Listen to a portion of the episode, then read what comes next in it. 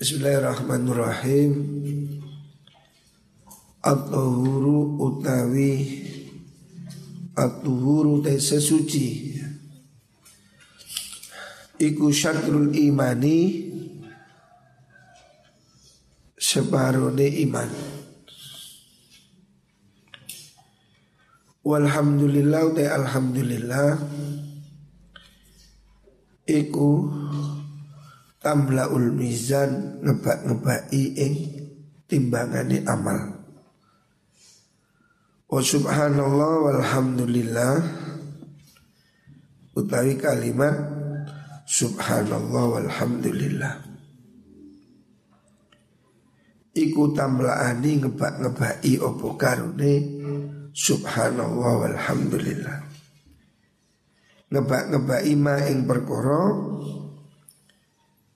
Baina sama ikang ing dalam antarane piro-piro langit Wal ardi lan bumi.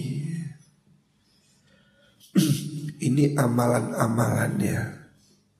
Yang pahalanya pahalanya penuh. Pahalanya besar ya. Seperti at-tahur syatrul iman. Bersesuci itu separuh dari iman ya, pahalanya atau bisa berarti bersesuci itu kan menjadi syarat untuk melakukan ibadah dan seterusnya. Makanya dia adalah separuh dari pintu iman. Ada yang menafsiri adalah iman itu sholat. Iman bisa berarti sholat. Allah mengatakan dalam Al-Quran, wa maka nallahu liyudayyi'a imanakum. Iman itu bisa berarti juga sholat. Bisa suci itu separuh dari kegiatan sholat. Alhamdulillah tamla tamla mizan. Alhamdulillah itu pahalanya memenuhi timbangan amal. Subhanallah alhamdulillah memenuhi langit bumi. Ya, pahalanya besar sekali ya. Wassalatu ta'i sholat iku nurun dari cahaya. Sholat itu cahaya bagi kehidupan di dunia dan nanti setelah mati. Sholat itu cahaya. Orang tidak sholat tidak bercahaya. Alhamdulillah. Wasodakatu burhanun Wasodakatu te sodako iku burhanun. Dadi pituduh ya. Sodako itu penunjuk kebenaran Petunjuk keselamatan. Wasobru te kesabaran. Iku diyaun Madangi. Sabar itu menerangi Fikiran hidup ya. Sabar. Kalau tidak ada sabar Ya orang Ngawur Sesat Sabar ini pikiran menjadi terang kalau dia masih punya kesabaran. Wal Qur'anu utai Qur'an. Iku hujjatun dadi hujjah. Laka maring siro manfaat maring siro au alawika utawa melarat ing atase siro Quran itu bisa menyelamatkanmu bisa juga mencelakakan kamu kalau kamu tidak taat pada Al-Quran. Quran akan menjadi saksi kesalahan-kesalahanmu. Makanya saya minta di sini ya, perhatikan, saya ngantuk-ngantuk cengir. Heh, kuping. Perhatikan di pondok saya ini ngajarkan kamu apa yang harus dilakukan. Satu hal yang harus kamu ingat ya. Saya hari ini miris melihat pergaulan. Anak-anak ini semakin kendal Membawa perempuan Masuk ke hotel. Aduh, Itu mengerikan. Itu dosa besar. Catat ya Semuanya harus tahu Berzina itu dosa besar. Ya, jangan main-main. Ini saya lihat mulai pergaulan mulai kisruh ya. Kasus anak pacaran sampai ke hotel. Awas ya. Itu dosa yang sangat besar. Berzina itu dosa besar. Jangan macam-macam Habis semua ibadahmu Yang perempuan juga begitu Jangan mau. Ini yang bodoh ini Laki perempuan ini Mengerikan saya melihat ini. Pergaulan Kenakalan. Makanya satu Di pondok tidak boleh bawa HP Sumber kenakalan ini HP Janjian sama perempuan pakai HP Ini faktor Faktor penting. Tidak boleh bawa HP Dan kamu harus bisa jaga diri ya Ini saya mengerikan pergaulan ini sudah berbahaya Perzinaan ini dosa besar Ingat ya Zina itu dosa besar Tak main-main maka perlu ini saya kira hari ini perlu pengajian khusus bahaya berzina. Kalau saya melihat sudah mulai pergaulan ini mengerikan. Anak laki perempuan ke hotel. Aduh. Na'udhu bila berbahaya ini berbahaya ya. Hati-hati. Kulun nasi untuk sekabehane menungso iku yaudu. Budalan isuk sama kulunas Fabaiun Ono iku kang adol nafsahu ing awak dhewe man. Famuktikuha mongko merdeka akan sapa man ha ing nafsahu au mubiquha utawa ngerusak akan sapa man ha ing nafsahu semua orang perhatikan semua orang kita ini masing-masing tanggung jawab pada diri kita sendiri. Semua orang akan mengambil apa yang dia lakukan ya. Kulunas Semua orang berbuat Fabai nafsahu Ada yang menjual dirinya. Menjual dirinya maksudnya dia membebaskan dirinya dibeli dengan surga. Famutikuha maka dia dibebaskan dari neraka. Au famukikuha tapi ada juga orang yang melakukan maksiat, melakukan dosa termasuk perzinaan itu maka dia menghancurkan dirinya sendiri. Ini sekarang ini sudah darurat perzinaan. Pergaulan di Indonesia ini ya gara-gara faktor apa ini? Drama Korea atau apa ini? Hari-hari semakin kendel laki perempuan. Ini betul-betul berbahaya loh ya. Jangan coba-coba. Dan ini ada sanksi pidana. Kalau kamu bawanya kamu mualif bawa anak perempuan ke hotel kamu bisa dituntut penjara. Betul. Orang tua itu boleh menuntut anak yang dibawa di bawah umur 18 tahun walaupun suka sama suka. Itu bisa dipenjara 7 tahun. Gak main-main loh ya. Jadi saya ingatkan anak-anak yang pacaran-pacaran itu. Itu kalau orang tuanya tidak terima, kamu bisa dipenjara 7 tahun. Melarikan gadis di bawah umur. Ini saya melihat anak-anak yang bolos-bolos ini berpotensi seperti itu. Jangan sekali-kali ya berzina dan membawa anak perempuan sampai ke hotel itu bisa delik pidana. Ya. Karena saya mendengar sudah ada kasus. Astagfirullah. Naudhu bila. Lek kepingin rapi-rapi, enak tuh halal daripada cara yang tidak benar itu. Karena ini bisa menjadi urusan polisi. Jadi orang tua ini berhak melaporkan seandainya kamu membawa pacarmu anak perempuan di bawah 18 tahun itu bisa dilaporkan polisi sebagai pelarian anak di bawah umur. Oh itu bisa dihukum tujuh tahun Makanya ini saya peringatkan anak yang ngeluyur-ngeluyur ini saya sedih ya. Jangan sampai ya. Ini urusan pidana, urusan polisi nanti ya. Harus hati-hati semuanya ya. Jangan ada yang melakukan Ini ngorek kita ini takut dosa Kita ini takut ya Semoga-moga kabeh diselametno kan Gusti Allah. Jangan hati-hati ya Allah. Ngeri saya ini ngeri. Karena saya juga punya anak perempuan. Ya Allah, melihat pergaulan hari ini saya itu takut. Bagaimana pergaulan sudah sedemikian bebas ini. Ini sangat berbahaya ya.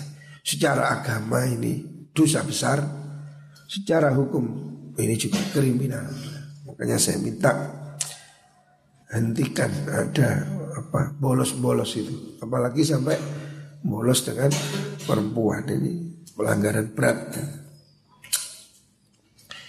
Atau unu taun penyakit taun penyakit pandemi taun ini ya kalau hari ini covid ini. Penyakit taun wal lan kerem maksudnya mati tenggelam. Siapa orang mati dalam wabah seperti hari ini COVID-19 ini. Wal ghurqulan kerem mati tenggelam. Wal batnu lan mati loro weteng sakit perut. Wal harkulan kobongan mati dalam kebakaran. Wan nufasa'ulan mati sebab melahirkan mati dalam keadaan nifas. Iku syahadatun dati mati syahid. Maksudnya pahalanya mati syahid. Li umati kedui umat ingsun. Jadi hari ini ya kita ini kan dalam situasi pandemi jangan keluyuran kita bertahan. Ya. Situasinya nggak enak. Saya sendiri merasa ya aduh, agak apa ini kurang enak badan. Makanya jangan ke mana-mana, wis. Kita tidak pergi ke mana-mana. Diem aja. Kamu diem di kamar, diem di pondok. Ini ibadah. Ya. Ibadah dengan diam tidak keluyuran ini sudah ibadah ya. Seandainya mati karena covid ini termasuk termasuk mati syahid. Dan juga mati karena melahirkan. Melahirkan ini taruhan nyawa. Orang melahirkan nifas mati. Itu juga mati syahid. Rawal Sufan atau fil ma'ruf. Selanjutnya atau atu tai wajib taat iku fil ma'rufi ing dalam perkara kang bagus Maksudnya taat pada pemimpin itu hanya boleh dalam hal yang bagus menurut syariat. Kalau pemimpin menyuruh kita melakukan hal yang tidak bagus, maka tidak wajib ditaati dalam urusan itu ya. Tetapi kita tetap tidak boleh memberontak ya. Memberontak itu tidak boleh Pemberontakan kepada pemerintah yang sah itu tidak boleh ya. Walaupun mungkin pemerintahnya brengsek Tetapi Melakukan pemberontakan itu tidak boleh Sebab kalau terjadi perang Maka kurban jiwa Kematian dan semakin semakin me, memberatkan manusia ya.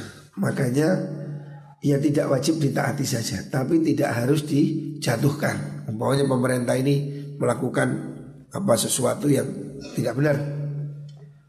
Umpamanya, maka kita tidak wajib taat dalam satu hal itu. Tetapi tetap tidak boleh melakukan pemberontakan tidak boleh melakukan makar. Hanya yang tidak baik tidak ditaati itu ya. Tetapi tidak boleh kemudian dijadikan alasan untuk melakukan pemberontakan pada pemerintahan yang sah.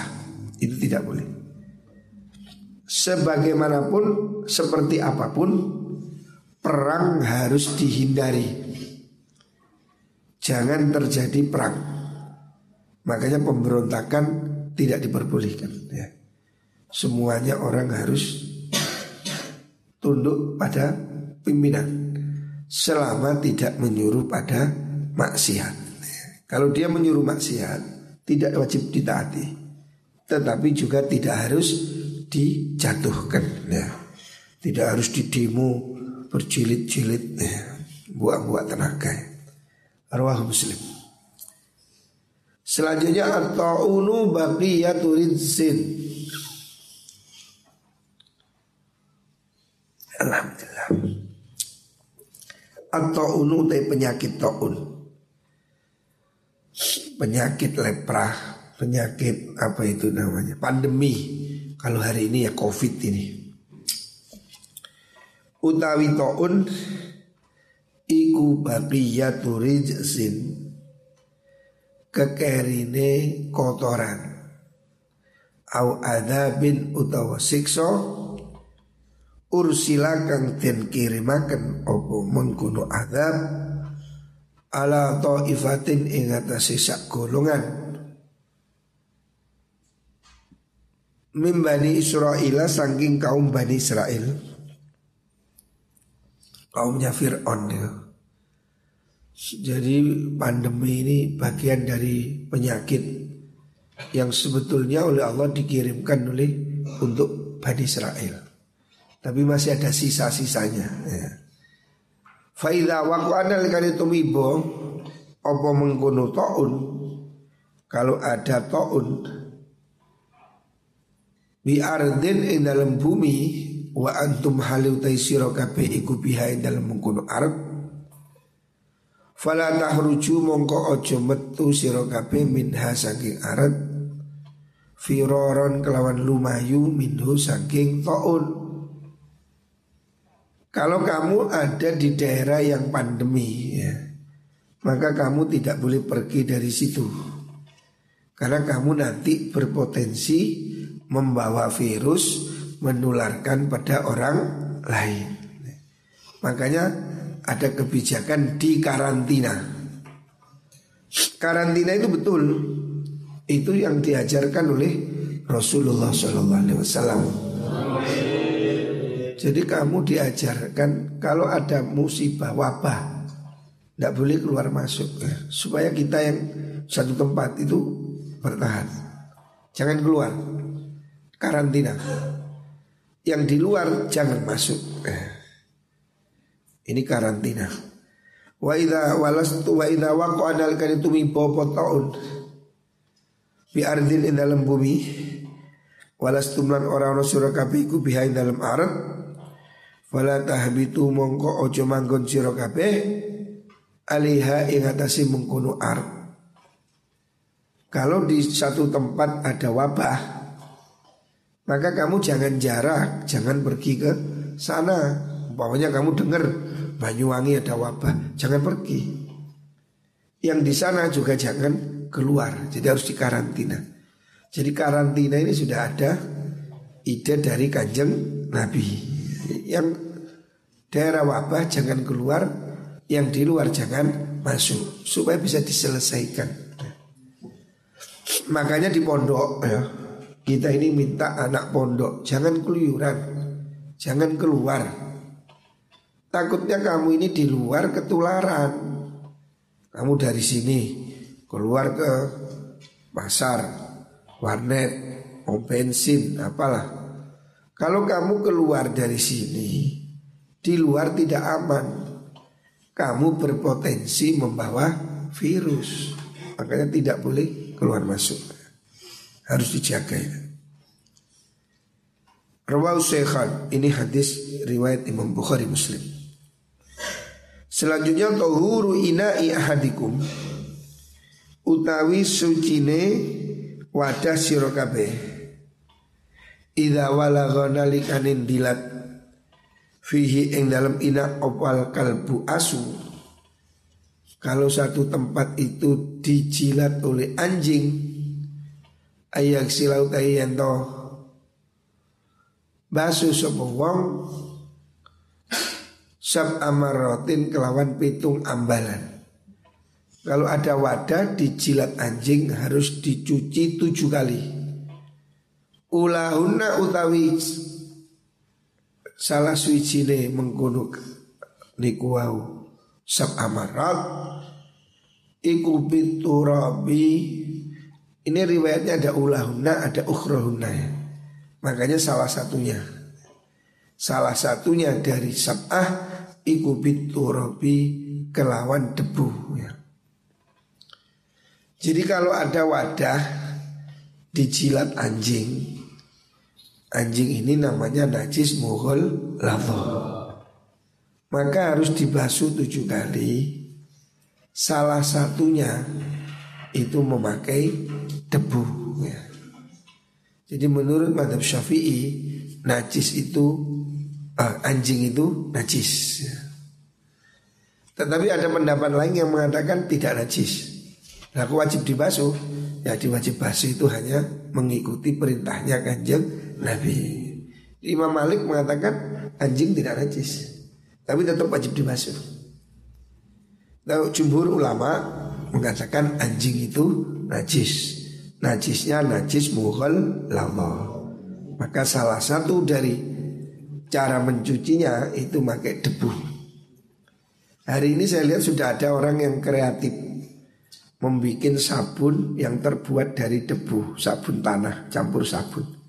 Jadi saya lihat di Hong Kong waktu saya pergi ke Hong Kong itu TKI TKI Indonesia di Hong Kong ini kan setiap hari ya kucingnya kan juga anjing ya, kucingnya orang Hong Kong ini ya anjing itu ini ya banyak yang stres kan gara-gara itu sementara dia meyakini anjing itu najis padahal rumah-rumah di sana rata-rata punya anjing.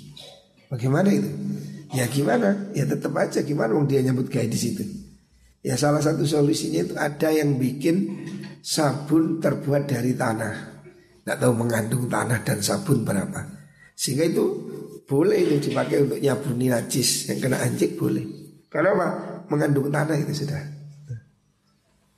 Jadi bisa aja. Babi juga begitu. Babi ini dikiaskan pada anjing. Babi ini ayamnya orang Singapura, orang mana? Hong Kong. Setiap hari makanannya ya babi itu. Babi itu di sini kayak ayam potong gitu. Daging yang murah dan enak menurut orang Chinese. TKI TKW kita di sana itu kan ya kasihan setiap hari ya masaknya babi mayoritas. Saya bilang ya ya gimana lagi? Lek durung budal tak menginglis kadung budal adalah apa? Ya, caranya seperti itu. Kalau najisnya babi ini khilaf. Dalil tentang najisnya babi, najis mughalladho ini khilaf di kalangan ulama. Ada yang mengatakan sama dengan anjing harus dibasuh tujuh kali. Ada yang mengatakan tidak. Karena dalilnya hanya ada pada anjing. Dalil dibasuh tujuh kali. Tetapi dikiaskan karena babi katanya lebih jelek Artinya pada kondisi tertentu Boleh saja orang ini mengikuti pendapat yang mengatakan Babi tidak najis mughal lato Sehingga dia tidak kesulitan nah, Ini ada kemungkinan ya Fikih kita ini memakai pendapat yang demikian. Sebab ini masalah umum ya. Di negara-negara Singapura, China itu Rata-rata ya makanannya babi dan anjing itu adalah hewan yang kucingnya orang sana. Sementara kita di sini mengatakan kucing apa anjing itu najis. Nah, bagaimana? Ya najis tetap najis, tetapi kita bisa ya itu tadi pakai pendapat ulama yang lain yang, lebih mudah. Kalau menurut Imam Malik tidak najis, tapi tetap wajib dibasuh tujuh kali. Salah satunya pakai debu. Debu apa boleh diganti sabun? Wah ini tidak boleh Karena zaman Nabi tidak ada sabun Tapi saya lihat ada yang menciptakan sabun mengandung tanah. Nah itu menurut saya boleh Karena tanahnya sudah ada di situ. Kan tanahnya itu tidak disyaratkan bentuknya seperti apa. Yang penting ada tanahnya. Nah ini bagi orang yang kerja di mana Hong Kong, Taiwan ini mungkin ya. Kalaupun tidak bisa ya tidak apa-apa sholat aja sebisanya. Saya kemarin ada orang dari mana itu Yunani. Kapan hari saya ke Yunani, ada orang tanya saya gimana dia kerjanya sehari-hari masaknya babi? Itu menyajikan ya namanya negara non muslim masakan sehari-harinya babi minumannya bir dan dia tidak bisa sholat. Saya bilang ya sudah sholat sebisanya. Selesainya jam berapa? Jam 10 malam. Ya wes sholat jamak malam hari kodok malam hari. Ya bagaimana lagi? Dia tidak bisa Sambil saya bilang kalau ada kesempatan cari kerja yang lain. Sementara dia keadaan seperti itu ya, ya harus dimaklumi ya. TKI-TKI kita di luar negeri ini kan kesulitan sholat, waktu sholat. Mereka kan tidak ada jam istirahat waktu sholat. Bagaimana ini? Ya terpaksa dijamak, dikotok. Kalau bisa ini solusi ya. Solusinya begitu. Makanya enak ini nyebut gaya ke omai diwe. Lebih enak. Kita Indonesia ini sebetulnya enak. Negara yang enak, makmur. Kerja di luar negeri itu ya tidak enak. Makanya muka-muka semuanya dicukupi rezeki di negerinya sendiri.